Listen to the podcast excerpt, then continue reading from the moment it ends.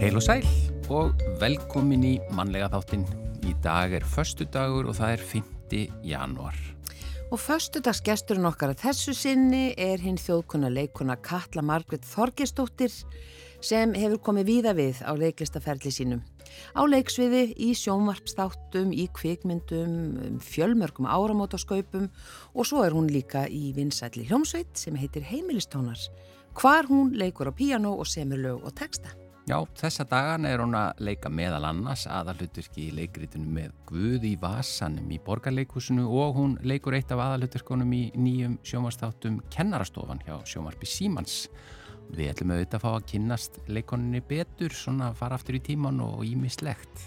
Já, svo er það matarspjallið, Sigurlu Margret kemur í fyrsta matarspjall ásins og í dag ætlum við að tala um og taka til 13 hluti í tilipna 13. 13 hluti sem eru ómissandi í eldúsinu. Já, þess að hvert og eitt okkar, Já. 13 hluti. Og þetta eru leynilistar, það er að segja við um ekki sínt hvort öðru listana. Já, það gæti, gæti orðið smá slagur, sko. En við byrjum auðvitað tónlist og það á vel við að byrja bara á heimilistónum. Þetta er uh, lag sem að það er uh, sendu inn í jólalagakeppnir ásar 2, 2021 og hreinlega unnu keppnina. Og förstaskesturinn okkar, Kalla Margrið Þorkistóttir, samti lag og texta. Það heitir Anda inn.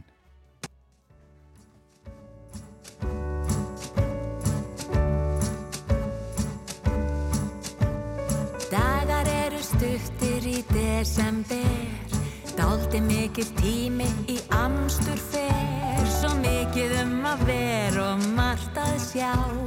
Margir er á hlaupum til að ná. Er allt hjá þér komið á yfirspinn? Og ekki virðist mæja dagurinn. Findu þá sóf og flegðu þér. Fylstu svo vel með hvað ég segi hér Þú skalt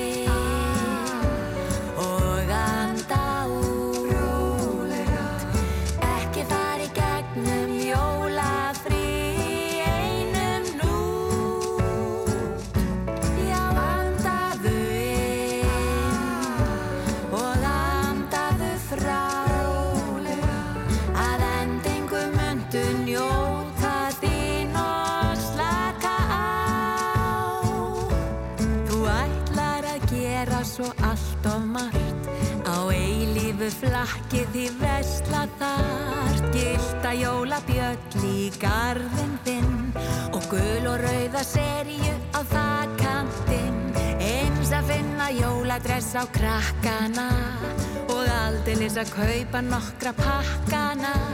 Á útsölum rakaðir í oktober en ekkert af því gengur í desember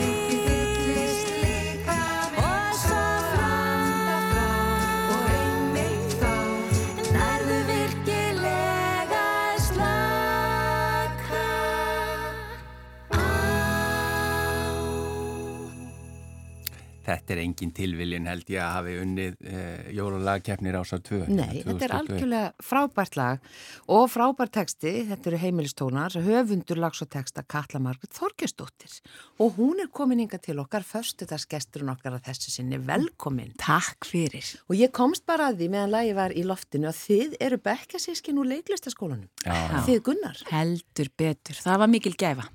Já, Já, nú er ég ekki að skella þig um gunna minn. Já, fyrir mig. Það var það. já, sömulegis, bara Já speil. já, við vorum miklir vinir og hérna, þetta er náttúrulega mjög náið samstarfi í þessum skóla. Já, Byggum bara saman í fjögur ár og það kom aldrei neitt skuggi þar. Er það nokkuð? Nei, alls ekki. ekki frá mínum. Nei, nei, nei, nei, það var bara óskaplega gaman. Það var hérna, þetta var, já, þetta er eins og að vera í átta, ég hef oft líst þessu, þetta er eins og að vera hluti af áttamanna amöpu. Það er að segja, þú veist, maður bara getur ekki blikkað augunum á þess að þau séu einhverstaðar í kringum Já, og, og þú veist, ógislega gaman, en Já. líka oft rindi á, sko, en, en ekki á milli okkar tveggja, sko. Nei.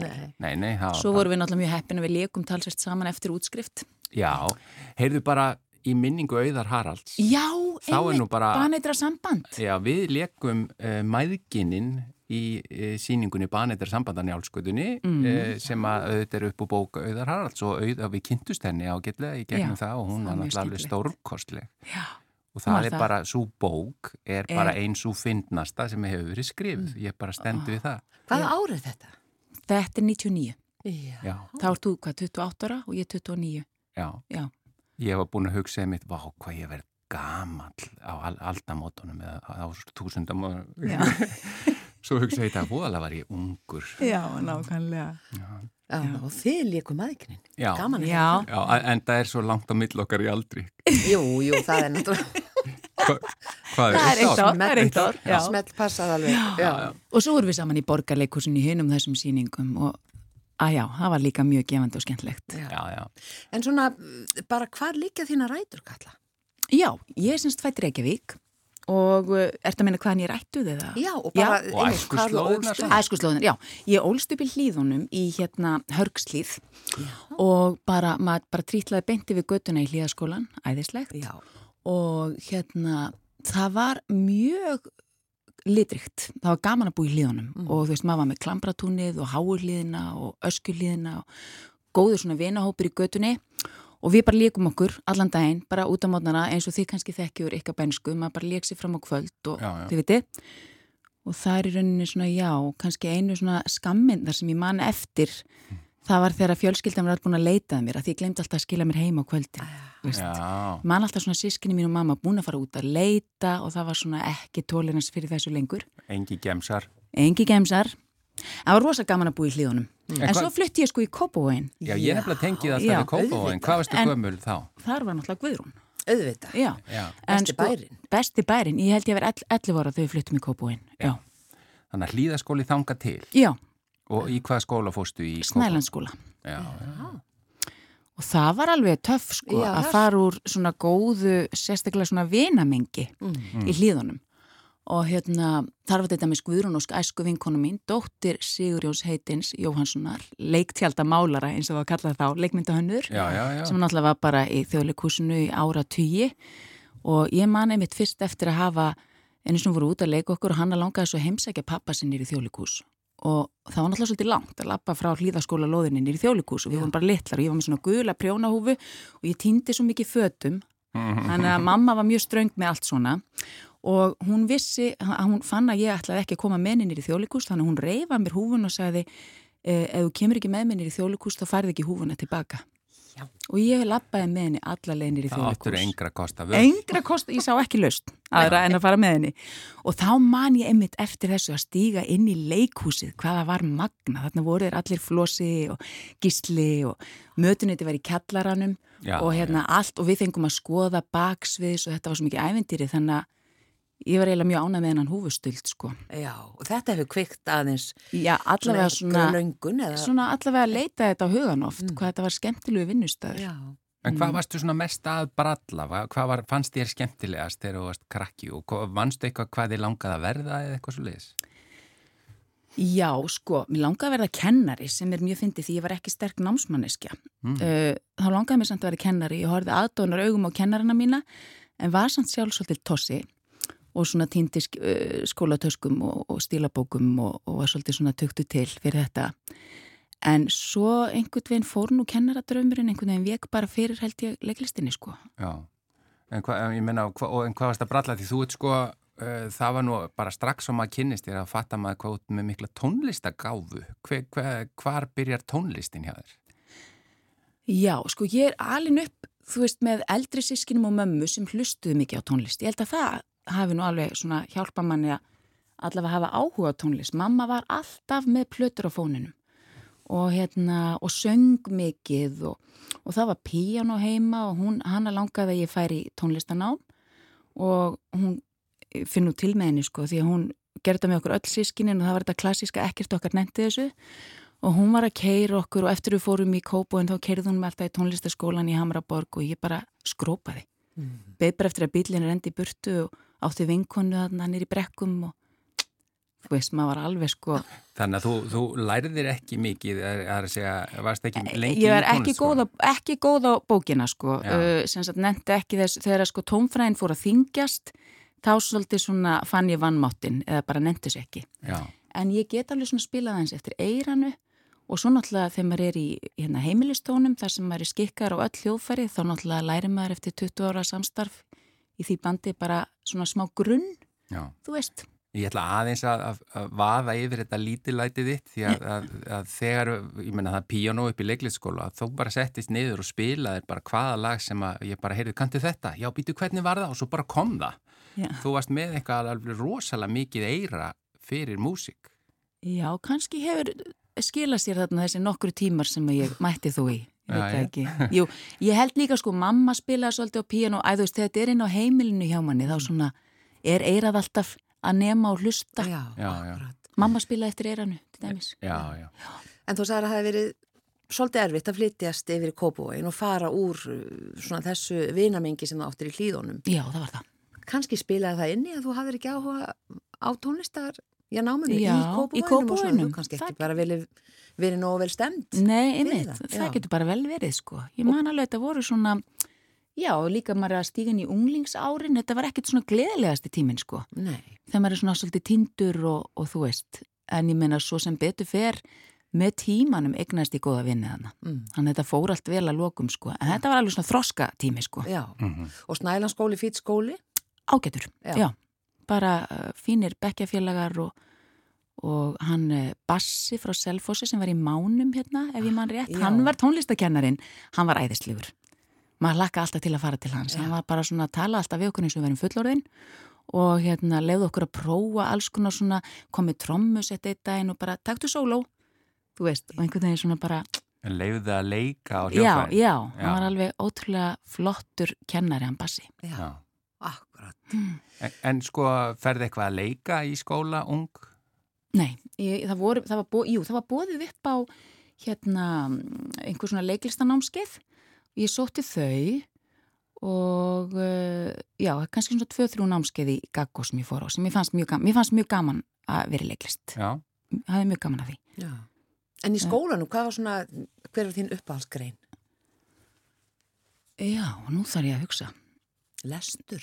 mm, Já, býttu nú við Nei, mér skaman í ensku vorum við skemmtilega kennara, hann spilaði mikið bítlana fyrir okkur Já. og svona, þú veist, gerði svona Tónlistartengt. Já, já, hann var Já. bara, hann var skemmtilegur hann var ungur, 29 ára, manni fannst hann alltaf bara að vera roskin en allt í leið Já, já. en hann, hann spilaði fyrir okkur einmitt bítlana og alls konar og síndi okkur myndir og það var mjög gaman Já, ég hugsa enskan, það hefði verið svona Já. og svo bara fríminútunar Já, já, þetta er Já, langt skemmtilegast já. Já. En hugsa hvað þetta, sko, þetta mannmaður, svona, kennara sem svona, gerði eitthvað öðruvísi, Já, bryttu upp á einhverju, þó ekki væri nefn þetta, spila tónlist, Já, sína akkurat. myndir. já, nákvæmlega Þessir góðu kennarar, kveik í manni, það er ekki nema vonu að vilja verða. Já, akkurat, það var einhver ástæði fyrir því Já. mm. En svo sko, þú sagði líka áðan sem að Guðrún vissi ekki að þú ætlaðir ekkit í indtökuprófið í leiklisskólan. Nei, nei, einhvern veginn var bara ekkert, þú veist, ég fór lítið í leikus og var ekkert tengdinn í hennan heim en hérna, ég fór reyndar í starfskynningu því ég var í snælanskóla með tveimur stelpum nýri þjólikús, þannig að eitthvað hefur nú blundað í mér og það var mjög gaman og ég man sérstaklega eftir því hvað Arnar Jónsson og Örn Árnarsson tóku vel að móta okkur. Jæja. Og við vorum náttúrulega bara sko, gátum ekki tala nálega þeim, þú veist, þetta var bara á annan veginn, þeir töluð og hlóðu og reyndi eitthvað svona að spjalla við okkur og við vorum bara málhaldar og hérna, svo fallet hvernig svona minningar lifa. Já. Já, já. Þú veist, það var svo mikið hlýja. Já. Já, en þeir eru þeir báðir mjög hlýjir menn. Já, já, heldur Já. betur og Já. þeim finnst ekki leiðild að tala heldur sko. Nei, nei. En svo fóstu hvað, það var vinuðinn sem að ákvaða að fara í indtökupróf og þú bara Já, ákvaðast að elda. Já, kunningi minn, hann, hann fór og mér fannst þetta spennandi en ég var ekki með mikla væntingar og vissi svo sem ekkert hvað ég var að fara út í og ég hef nú sagt það áður sko, ég held að það hafi hjálpað að maður var svona temmilega kærulis. Við fórum þó til hans Rúnars Guðbrandssonar í svona undibúningstíma fyrir, uh, sem þetta, maður fór með monológ og ljóð, var ekki, hvað var það kunni, eitt monológ og eitt ljóð. Já, þannig? eitthvað svo leiðis, Já. einn hérna sem þú mátti velja, og svo Velja, einn klassískur, einn klassískur, sem var kannski einmitt. Shakespeare eða Já, eitthvað já, þannig já, ég sko. tók einhverja sonnett eftir Shakespeare alveg rétt og þá uh, kviknaði náttúrulega ámanni, mann fannst þetta rosalega gaman en svona af því að maður með svona væntingarnar voru ekkert ómiklar þá held ég að það hafi allavega mínu tilfelli hjálpað. Þannig að þú varst ekki stressuð. Ég var ekki svona fara. yfirstressuð eins og ég var oft orðið síðar á lífsleginni í þessu fæði. Það getur fyllt, já. það getur fyllt, já. Já, við viljum að heyra eitt lag núna, við fengum til að velja tvö lög, uh, þú kannski segir okkur af hverju þú valdir þetta lag, Litli kassar með þokkabót. Mm, já, ég skal segja ykkur það. Þetta er bara svona, teiknar bara upp hörgsliðina. Ég bara man svo vel eftir þessu lægi. Uh, þetta er svona í kringum hvað, 75-6 myndi ég halda sem þetta er vinsalt. Kanski fyrir, ég áttum ekki alveg á því. Ég var allavega, ég fætt 70, ég var pínlítil en ég man ég fekk þetta lag alveg á heilan og allar vinkonu mínar vorum alltaf syngjandi þetta. Og hérna, já, svo er þetta bara gott lag. Já, Og þetta var gott band, þokkabót. Þau voru, svona, þú voru, voru svolítið svona þjóðlega skotnir, svona gerðu mörg, já, eða útsettu mörg flott lög. já. Litli kassar, við Mhm. heyrum það núna með þokkabót, svo höldum við áfram með förstaskestin Köllu Margréti Þorgistóttur.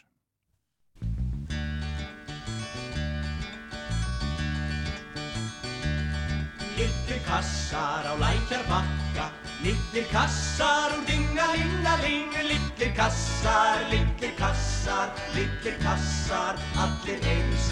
Einn er rauður,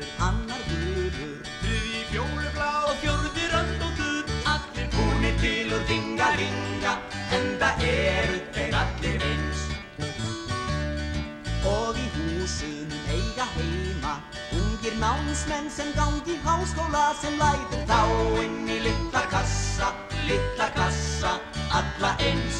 Þeir gerast læknar og lögfræðingar og landsbákar stjórnendur og við þeim öllum er dingalinga en það eru þeir allir eins.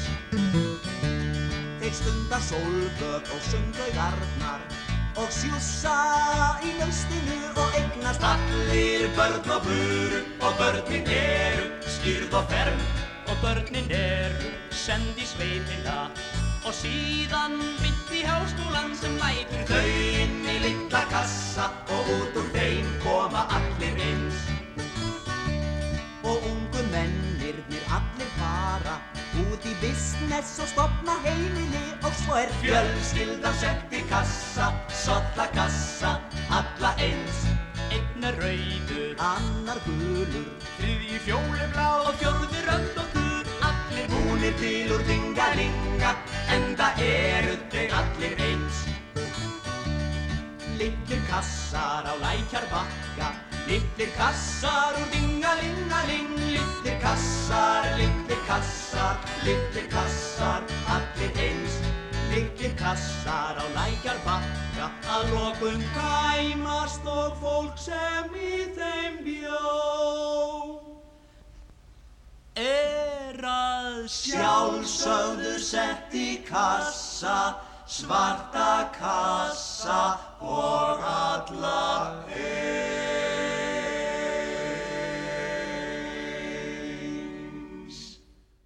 Já, litlir kassar, Mm. þokkabót, þetta var óskalag förstaskestsins Köllu Margrétar Þorgistóttur, það voru litlu kassarnir í hlýðunum sem þú tengdi við. Algjörlega á lækjar bakkanum. Já. Ég var einmitt hérna að rifja upp hann Egert Þorleifs var með þokkabótum tíma. Okkar kollegi sem við unnum nú svolítið með. Já, En spila, já. Var á með þeim. klarinett þá? Já. Já, já, já. já. Þannig að það hefur nú verið Já, Það er flott nú annar leikari með mikla tónlistagáfu. Já, það er sko, sko, ég, það er leikarinn með tónlistagáfi og margar gáfur. Já. en að þú talaði að þetta lag svona myndiði á hörgslíðina þar sem þú ólstu upp Já. uh, til 11 ára aldus. Já, Uh, svona endurheimtur aftur þá vini eða hvernig svona fóstu aftur tilbaka? Já, ég var svo heppin á hún Guðrún Ósk sem ég nefndi á þann dóttirna Sigur Jóns að við, hún kom til mín bara í fyrirgrundina, ringdi bjöllinu og spurði, ertu til að koma að leia með mér? Þá var ég nýbyrjuð í leiklistaskólanum og hjóla alltaf úr kópavóinum nýri hérna, leiklistaskóla og Sölvólskutuna og ég bara sló til og við fengum við voða fína íbúð á Holtskutu og leiðum saman stóran hluta náminu. Já. Þannig að ég fekk æsku vinkona mína tilbaka. Já, og hjólaður úr Kópavæn? Já, hjó, maður hjólaði öllum, já, og ég var á svona, með svona rútastýri og dekkin voru náttúrulega bara grín, þau voru svo þunn og þú veitir bara íslensk veðrátta. Maður var bara svona, bara, ég skil ekki hvernig ég liði þetta af, sko, á bústaðaveginum, ekki voru hjólastígar, bara minnaði á það. Já, enni. Það er hansi vel gert. Er Já, Já, já. Harkan 6. já. Já, já, já. En hvað hérna, svo er það leiklisskólinn, viltu eitthvað fara í það? Já, býtu, bara svona ef maður reynir að fara fínlega í það. Nei, við vorum, við vorum náttúrulega, við Gunni vorum í alveg svakalega góðum bekk. Mm. Það voru sko Allir Rappn og Haldur Gilvason, ég ætla að segja það nafn mjög hægt. Já, Svo- gleði Já, gjafi. gleði gjafin mikli og Baldur Tröstir Hreinsson og svo var það Inga Marja Valdimarsdóttir og Hildi Gunnur Þráinsdóttir, dóttir hans Þráins Karls og Þrúður Vilhjáms. Allt mjög gott fólk og við vorum nú bara, vorum við ekki bara frekar heppin? Jú, frábær hópur, sko. Já, við, það var ekkert, bara- það kastaðist ekkert í kekki þannig síðan. Nei, nei, nei, þetta var bara mjög, og meiri sé að var haft orðaði í skólanum hvað við værum miklir vinir og það þótt ekki dúa fínt, sko. Nei. Nei, það er ekki nóg listrænt. Nei, já, ég veit ekki. já, við náttúrulega, Ekki nóg cool. nei, það var ekki cool. En ég man við ferðum, þau fórum í þriðjubekjaferðina til dæmis mannstu þau áttum að horfa á leikhús öll kvöld, langar franskar síningar. Já, Þá voru einhverju tveir sem að laumuðu sér út á Já, mannstu nokkuð já. hverju það Nei, voru? Ekki hvað er þetta að tala um það. Já, við vorum búin að sjá að þetta var sko þryggja vikna ferð til Helsingi, Berlínar og Parísar og endalusar síningar og tungumáli sem Skildum ekki skildum neitt. Það Var, og þær voru svo langar og við Oh. stundum nefndum ekki alveg. sko. Nei. Á finsku? Já, í Finnlandi, sko. Já, já, fransku í Fraklandi og Já, þetta voru, trúðu mér, langar síningar. En margar alveg frábærar, þú veist, en sumar langar og En ég held að við frábærar. finnum svona stelpunar langa, vorum svona bitrar yfir þess að Dóri og Gunni sem sagt laumuðu sér út af einni sýningunni, voru annars mjög samviskusamir. Á, En náttúrulega- Já, en gremjan var náttúrulega svo, okkur langaði bara svo með ykkur. Ég veit það. Það var nú það, við þurftum að sitja eftir. Já, samvinsku samar. Auðvitað. Já, En svo hérna eftir skólan, Já. þú bara, þú uh, í rauninni þau fyrir hvað, fyrst til Akureyrar að leika eða ekki? Jú, ég fer sko, ég eh, eignast strákin minn, hann Berg, eh, bara sama ára og ég útskrifast. Já. Uh, hérna, semst í desember 97 fæðist Bergur, þannig að þá var maðurinn minn farin til Danmörkur í nám og svo ég eldi hann bara þangað og við vorum þar í tvö ár. Svo ég var bara svona jemmigóinni með strákin. Já. Og svo ringdi Kolla Haldur sem hafði nú leikstýrt okkur gunna í nefndaleikursinu og bauð mér hlutverk fyrir norðan og þá fóru við Bergur heim Já. og Jón varð eftir úti. Og hvað varstu lengi fyrir norðan? Bara uh, frá janúar fram í lókmæ. Já. Já, já. Hvaða hlutar hvað þetta?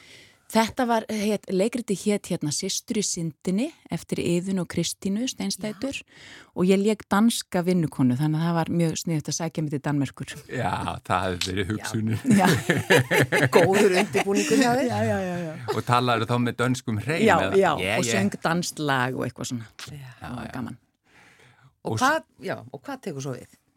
Þú ert Já, komin býtu heim? Já, og þú ég verð ekkert aftur út? eða? Nei, ég ger það ekki. Svo maðurinn minn kom árið setna og svo býtu nú við. Svo kem ég söður og fyrir við þá ekki að leika saman. Það var bara borgarleikus, held ég. hjá Jú, já. jú, nei, ég er að hugsa um sko Já, baneitra samband. samband, já. Á, í Við fyrir í baneitra samband og sama vetur býður Jón Gnar mér hlutverk í hérna panodil fyrir tvo, Alveg rétt. já, sem var í loftkastalanum. Þannig að ég var í þessu tvennu og svo fór ég í borgarleikusið og, og við vorum þar. Já, þú hefur bara meira og minna verið þá í borg, eh, me, mest í borgarleikusinu. eða hvað? Mest í borgarleikusinu, einhver ár í þjóðleikusinu Já. og svo hef ég líka verið bara eitthvað að leita út á götu. Já. Og svo mikið í, eins og í sjómmarpi, mikið í gríni.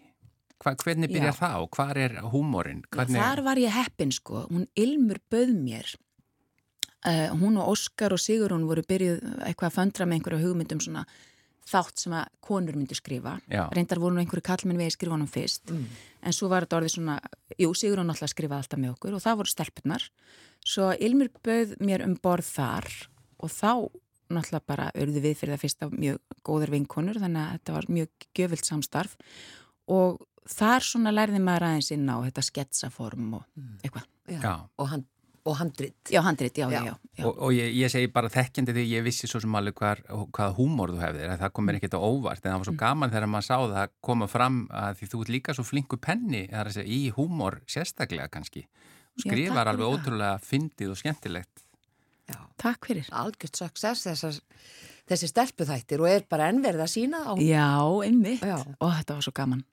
Þarna var líka Kjartan Guðjóns og Marja Reyndal. Kjartan var með okkur einni seríu, hann var nú mjög skemmtilegu penni líka. já, já. Og Marja Reyndal. og svo hefur skrifað líka í skaupi og, og verið Já. í mörgum skaupum Já, ég hef skrifaði þó nokkrum skaupum og, og leikið með þér líka, náttúrulega í einhverjum skaupum. já, já, það var til Af og til, já. já, já. Þetta er um þig, Kalla, sko. Já. Já, Já. hætt, hætt að Þetta benda kasta Gunnar. boltanum á mig alltaf. Já, ég meina, we, go way back, sko. Já. Já. En svo ertu í stóru hlutverki núna sem að er bara, ég var að segja, bara algjörst stjörnu hlutverk í borgarleikusinu með Guð í vasanum. Mhm. Sem er bara alveg stórkostlið það sem að bara í rauninni leikritið er bara, þú ert inn á sviðinu allan tíman og að glíma við mjög erfitt, erfiða heilabilun. já, akkurat.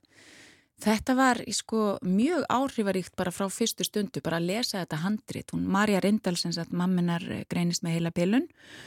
Og þetta krækir svona náttúrulega í hana, hún er alltaf bara komin í þetta umönnunar eða aðstandanda hlutverk, svo hann langaði einhvern veginn að komi svo blað, komi svo frá sér og velti þessu fyrir sér. Og úr varð þessi síning og þetta er alveg ótrúlega sko falleg og heiðarleg nálgun hjá henni og hérna, ég held að geti mjög margir speklast í þessu, því þetta er náttúrulega líka Solveig Arnarsdóttir, le- Sólveig Arnarsdóttir leikur hérna dóttu mína og hún náttúrulega kemur yfir til áhörvenda þeirri frústrasjón sem að aðstandendunir þurfa að fara í gegnum Já, já. og svo bara þetta ferðalag hvernig hún er tökum á því, því þú getur náttúrulega ekki bara verið, þú veist, í bara einhverju örfinglan í ára raðir, þú veist, þú þarfst bara einhvern veginn að læra að tækla hennan sjúkdóm og já, mér finnst þetta bara ótrúlega vel gert. Og velhefnað. Já, ég er sammála því. En svo ný sjómasserja sem er hvað, er hún byrjuð? Eða, Já, heyrðu, hún fór inn á sjónvarp símans í Í gær. gær, Já. akkurat. Já, já. Kennarastofa. Hlakka til að sjá. Kennarastofan, já. Talan þá farið að fara í hlutverk kennara. Loksins fekk maður nú að vera kennari og Já. meiri sér skólastjóri góði minn. Já. já. Ekkert minna. Ekkert minna. Já. En hérna, já, það er skal ég segja ykkur hann Jón Gunnar Geridal og Kristoffer Dignus og Karin Björg Eifjörð. Þau leiða þarna saman hesta sína og þau hafa náttúrulega verið saman í lattaseríónum hérna Brúköpum mitt og Arverum minn og fanta góðar seríur. Og Karin hefur líka var núna að skrifa í skaupinu og, og í venjulegu fólki þannig að þau eru bara búin að vera mjög busy í skrifum. Og þetta er byggt á Májans Jónskunnars, hann kemur með þessa hugmynd. Máur hans er sem sagt skólastjóri í Öldutúnskóla, heiti Valdimar og er svona svolítið sérstakur náungi og með mjög svona skýrar línur og, og Valdís skólastýran sem ég leik er byggð svona laustlega á honum. Já. Þannig að marga sögur í seríunni eru bara basically um hann. Já. Og kennarastofa, hún er nú svolítið dettur góður grunnur að að ýmislegt gerist. Já, já, já. já, já.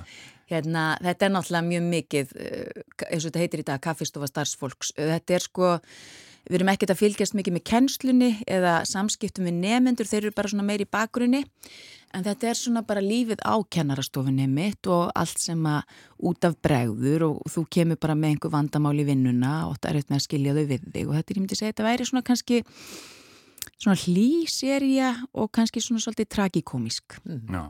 Gerist hún í dag eða er þetta eitthvað aftur í tíman? Já, þetta hún gerist í dag og hérna það er sem sagt, hún er að koma eftir áslið til starfa aftur, hún valdi sem ég leik og, og það er svona svolítið órætt hvað kom upp á, hvort hún fekk kulnun eða hvort hún var bara andlega veik eða hvað var, en hún kemur allavega tilbaka og taugakerfið hennar er svolítið þanið og þá hefur verið ráðin í millitíð, hún Birgitta Birgis leikur þannig aðstofaskólastjóran Ragnæði sem er svona breysk típa og hún hefur ráðið hann sveppa eða sumarliða uh, í starf sem tónlistakennara og hann er alveg hinum einu á spýtunni þau valdís eiga engan snertiflöti hann bara er svona hippir svolítið og bara tekur spontant ákvarðanir og, og hún einhvern veginn er svolítið úr jafnvægi yfir þessum manni en svo þróast þetta í einhverjar aðrar áttir sem ég ætlum kannski ekki að reykja neitt. Nei, nei, við skemmum ekki kemur. Nei, fyrir við skemmum ekki fyrir neinum. Já. En svona bara í lokin, svona hvaða, hvaða drauma áttu í leiklistinni og svona hvað er leiklistin bara fyrir þér? Já, um, þetta er nú góð vangavelta. Það er nefnilega, Og eilíf kannski? já, eilíf. Uh, þetta er náttúrulega, þetta eru tengsl. Þú veist, þetta er að gefa af sér og þykja. Og í leikhúsinu, ég er alltaf að átta mig betur og betur af því að það þarf svo mikið hugreiki til að starfa í leikhúsi. Og mér er oft fundist mjög erfitt að vera í leikhúsi. Ég verð stressuð og erfitt með að vera í svona návíi við áhöröndur. Það er öðruvísið þú ert á tökustað þar sem þú bara færð þitt, þú veist, rými og það bara tekið aftur ef eitthvað er ekki alveg eins og þú vildir og svo leiðis. Þannig að, þú veist, mér finnst svona gaman uh, að þroskast inn í leikhúsinu og að hérna, finna svona eðlilega með tímanum þá svona tekum maður skref í því að þóra meira. Ég held að það sé, og það er þessi tengsl, að ná tengslum við áhörvendur og vera með þeim í salnum og finna fyrir þeim og þetta er svo magnað form, þú veist. Já, allt getur gerst. Allt getur gerst og bara, já, bara svo gefandi, sko. Það er oft verið að spurja og þú lendi þessu líka gunni, maður spurur, ertu ekki alveg búin eftir síningar og við spurg gætnan ef það er einhverja svona síningar eins og þetta með spuppi, það sem orkustíð er bara í tíu allan tíman. Eða með Guði í vasan. Eða með Guð í vassanum þar sem er einmitt mikil orka. Uh, ég segi fyrir mig, sko, þetta gefur bara. Ég, þú veist, fer að sofa hálf þrjú um nætur eftir með Guð í vassanum að því að maður er bara, það kveiknar á öllum tögaendum. Tjúnuð, Já, bara, bara jákvætt, sko. já, en gefur.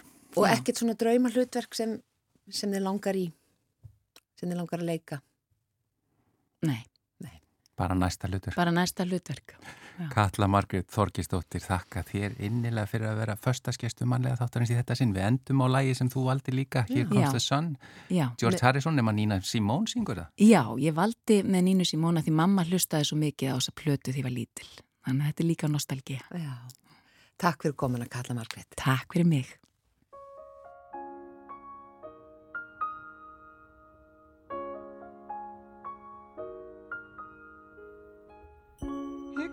Comes the sun, little darling. Here comes the sun.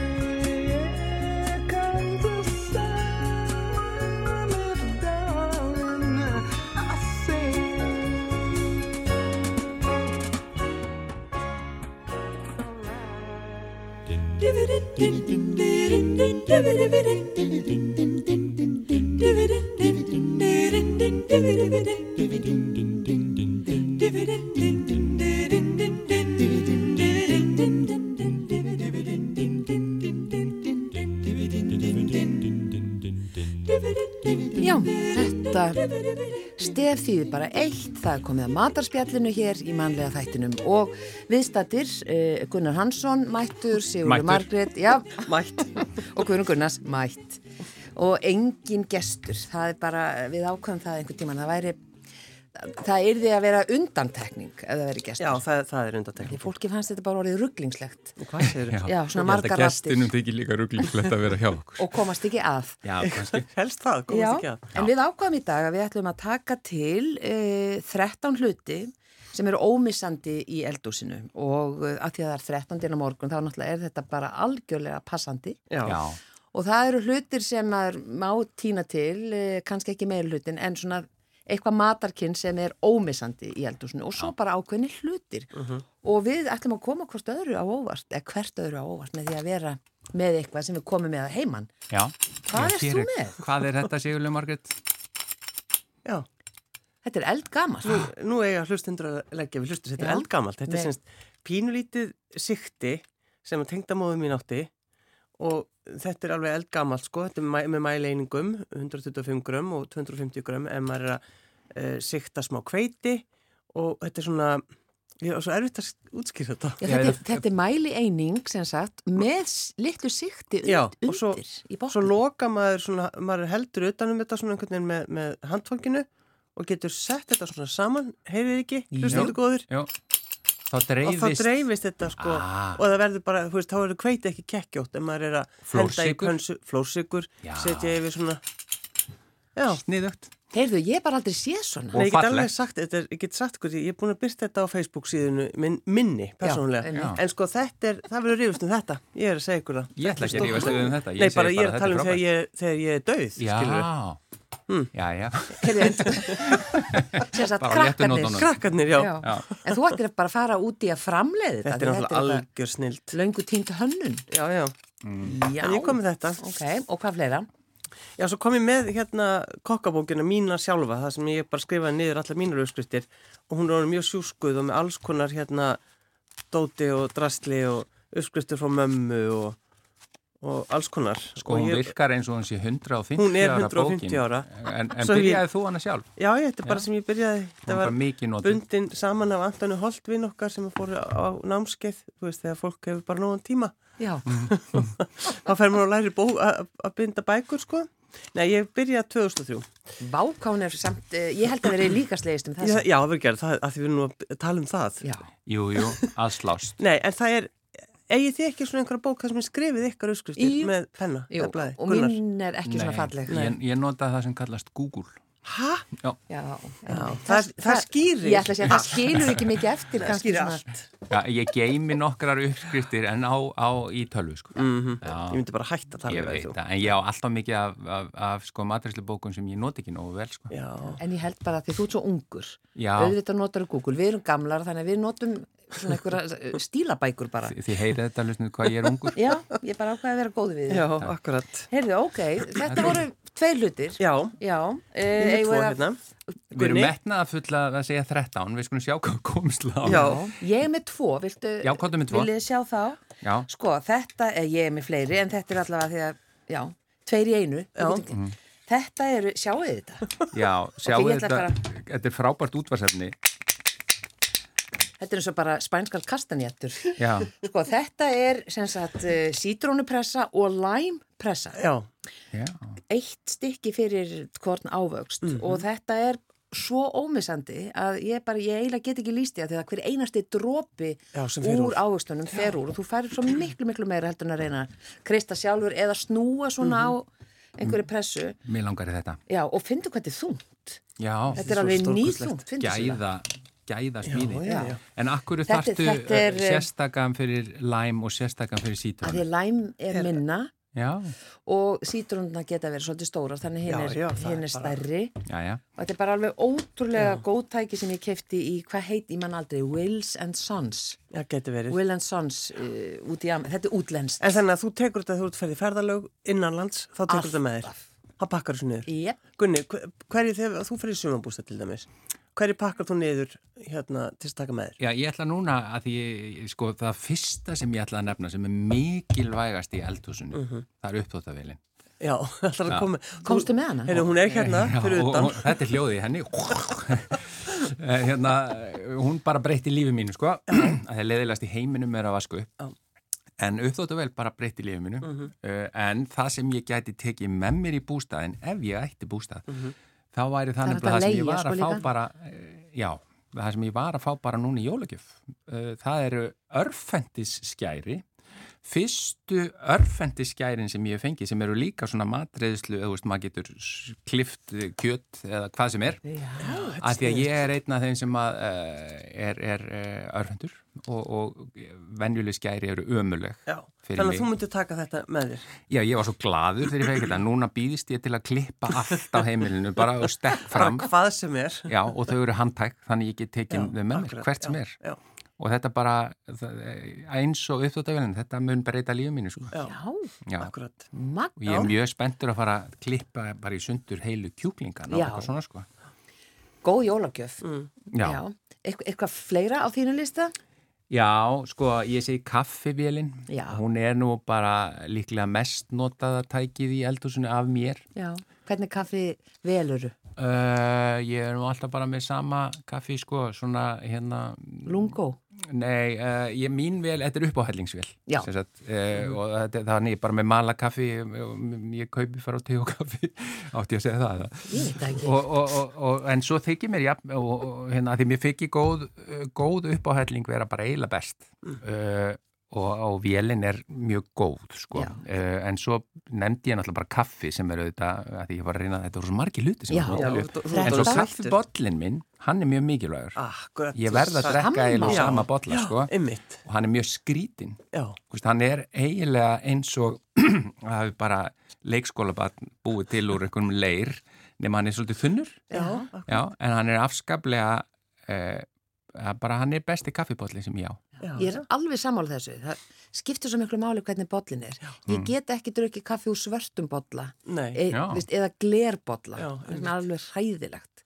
já, já, Hvað segir þú ég, mér finnst að það bara skiptir mjög miklu máli að vera með sinn einn bolla fyrir Já. bæði te og kaffi. mm Þannig að ég skil þetta alveg. Ég skil það sko. Erst þú með fleira sila? Já, ég er með hérna japanska sláturnýfin sem ég fekk, sláturarnýfin sem ég fekk í jólugjöf já og, og var mjög glöð þegar ég gætt notað hann á, á, á The Chicken. vel bríndur Já, hann var, þú veist, stór mikill. Svo bara alla, sko, litla hnífin sem ég sker bæði græmynd og hvítlaug, það er mjög mikilvægt. Pönnukökupannan er til dæmis mjög mikilvægt. Mm Mixerinn er mjög mikilvægt, svona handmixer. Já. Ef maður er að gera... Þetta meina svo eins og töfrasbróti Já, töfra- já, töfrasprota já, heitir það. Að Það er bara- gerir þannig Já, handarhefingu sem maður er að hlustendur sá ekki Þú veist, þú að gera tómatsósuna eina, þá verður að hafa, hafa hann. Mhm. Um, ég myndi drösla kópapottinu mínu með hvert sem, á, hvert sem fer, ég, sleppi fyrir eitthvað börnunum. Hvað er pluss við koparpott? Hann er svo fagur. Já, það er það Já, Það er veist alveg nóg það. Allt útlitið. ég er. veist hvernig ég er. Já, já Uh, og svo sko, stóri súpupotturinn minn sem að, eh, mér finnst mjög mikilvægur til þess að gera stó, hérna, ef að margir er að koma mat og ég er að gera fiskisúpu eða eitthvað kjött, einhverja kásu eða eitthvað, hann er rosalega stór, hann er þungur og það var, uh, ég var einhvern tímann að skrifa fyrir mokkan og það var einhver maturslu maður sem kom til okkar og var að búið til einhver svona súpu úr, úr uh, kröppum, við varum að gera svona krabba þátt og hann kom með þessa stóru súpu, glemd honum, Pottinum? Já. Nei. Já, svona 15 ár síðan, þannig hann, hann er náttúrulega ekki að hlusta, ég er alveg örugum það. En ef hann er að hlusta, þá færði hann ekki. Nei, það hljóta að vera eitthvað fyrr, fyrr Já, það er það. Já. Og ég, alveg, ég elska hann til dæmis. Já, hérna. Vá. Já, ég ver, nú ætlum ég bara sko kasta einn sprengju hérna. Já. Það er til þess að gera spjalli áhugaverðara. En Já. ég er samt alveg að meina þetta. Bitlausin hnífar, ég er með bitlausan hnífa heima Hæ? og 7.13, enginn hefur skorið sig. Og ég bara, sko, þegar ég fæ eitthvað svakalega flottan hníf með svaka góðu biti, þá er ég bara í því að skera mig. Þannig ég er með Já, bit... ég. Ég get svarið er þetta, ég vissi þetta. Já, sko. ég ætla bara að vera einlagt. Bitlausin hnífar. Já, Ég, þek, ég þekki til á einu heimili minni. þegar koma nývar nýjir inn á, það er að segja svona alvöru nývar, koma Mhm. í eldhúsið, það var alltaf brotin otturinn af í sama tilgangi til þess að koma í veg fyrir einhver stingi sig. Slakið þið á. Já, nú er, sko, þið ætti að sjá svipin á Silju núna. En ég minna, eða þú ert að skera það er ekkert verið að þú ert að skera eitthvað á nýfurinn hann, hann svona, Hefur sér vöðvana? Ég sé það, það Ég er bara, þetta er bara að sér. Sko, já, þvílíkir sko Get, ég get stungið upp á því og þú fáið góð skæri. Já, Já, vinstri bara- handar kannski. Já. Já, ég segi það, bitlausi hnífar, svo hef ég skrifað inn að svega, munu rífast, sem einmitt koma Eh, daginn. af því að þið- Svo gaf mamma mér einu sinni svona litla gummimottu, ég er bara svona þunn, Já. hún er bara svona stór, ég veit ekki hvernig ég á að segja þetta. þetta er Bara eins og músamotta, jafnvel Já, minni. minni, helmingi minni heldur um músamotta og hana nota ég og á að, það á að nota hana til að opna loka krukkum Já, þetta já. er snið. algjörlega frábært Já, eldurs áhald Já. já, svo er það bara góður ostaskeri og það er þessi úr plasti, hann er svartur og fæst að minnst að já. í bíkó eða húsasmiðunni og rauður. já, já. já. æðislegur og, og ég- meiri, hann er allur úr plasti. Líka hnífurinn á honum. já, Já, allur úr plasti og hann er bara, þetta er bara besti ostaskeri sem ég hef bara, Það er búið að rannsaka þetta. já, hef bara uppgötað En mér veist þetta alveg, lífinu. þú veist, þú slærið í gegn hérna, ég verð að segja það. Bitlausinn hnífar Já, og motta til þess að geta opnað dósirna þínar. já. En hún bara er svona, fer í lófan, hún Ég er ekki stór. Þetta mjög. Fyrst sagður að, að þú væri svo handsterk og getur skorið með bitsterkum hnífum.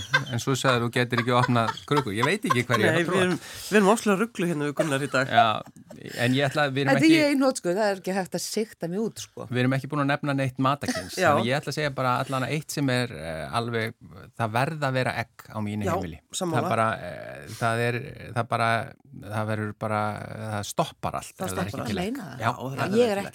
Ekki? Já, Já, ekki ekki þau eru notuð í bara meir og minna allt sko Já. Já. Ég meina, þú Það verður að Skýri hafa egg. yfirslegt hjá okkur, já. Ég hef ekki notað ekkin mikið, en, en hérna, en ólja og hvítlugur. Já, Já, já, já, tómatar já, og pasta já, og ostur. Það er þessi grunn, já. þetta er bara þetta grunn. Ég seti bacon líka. Já, bacon. Já, því ég get notað það í ansi margt.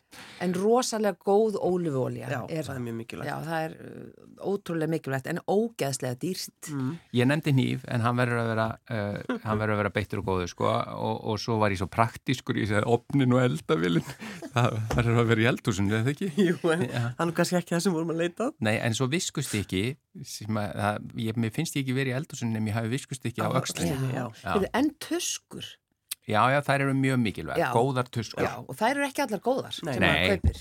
sammála, Það það er, lætur það er bara mikilvægt. hekla fyrir sig tuskur. Akkurat, gróf hekla tuskur. Við erum alveg að brenna út einu Já. tíma, er einhvers eitt eh, sem þið eftir að nefna sem þið viljið endilega ekki missa af? Var ég búin að nefna það ekki. Já, þú varst búin Já. að því. Var ég búin að nefna fallega kopapotti minn? Já, Já. þú varst búin að því.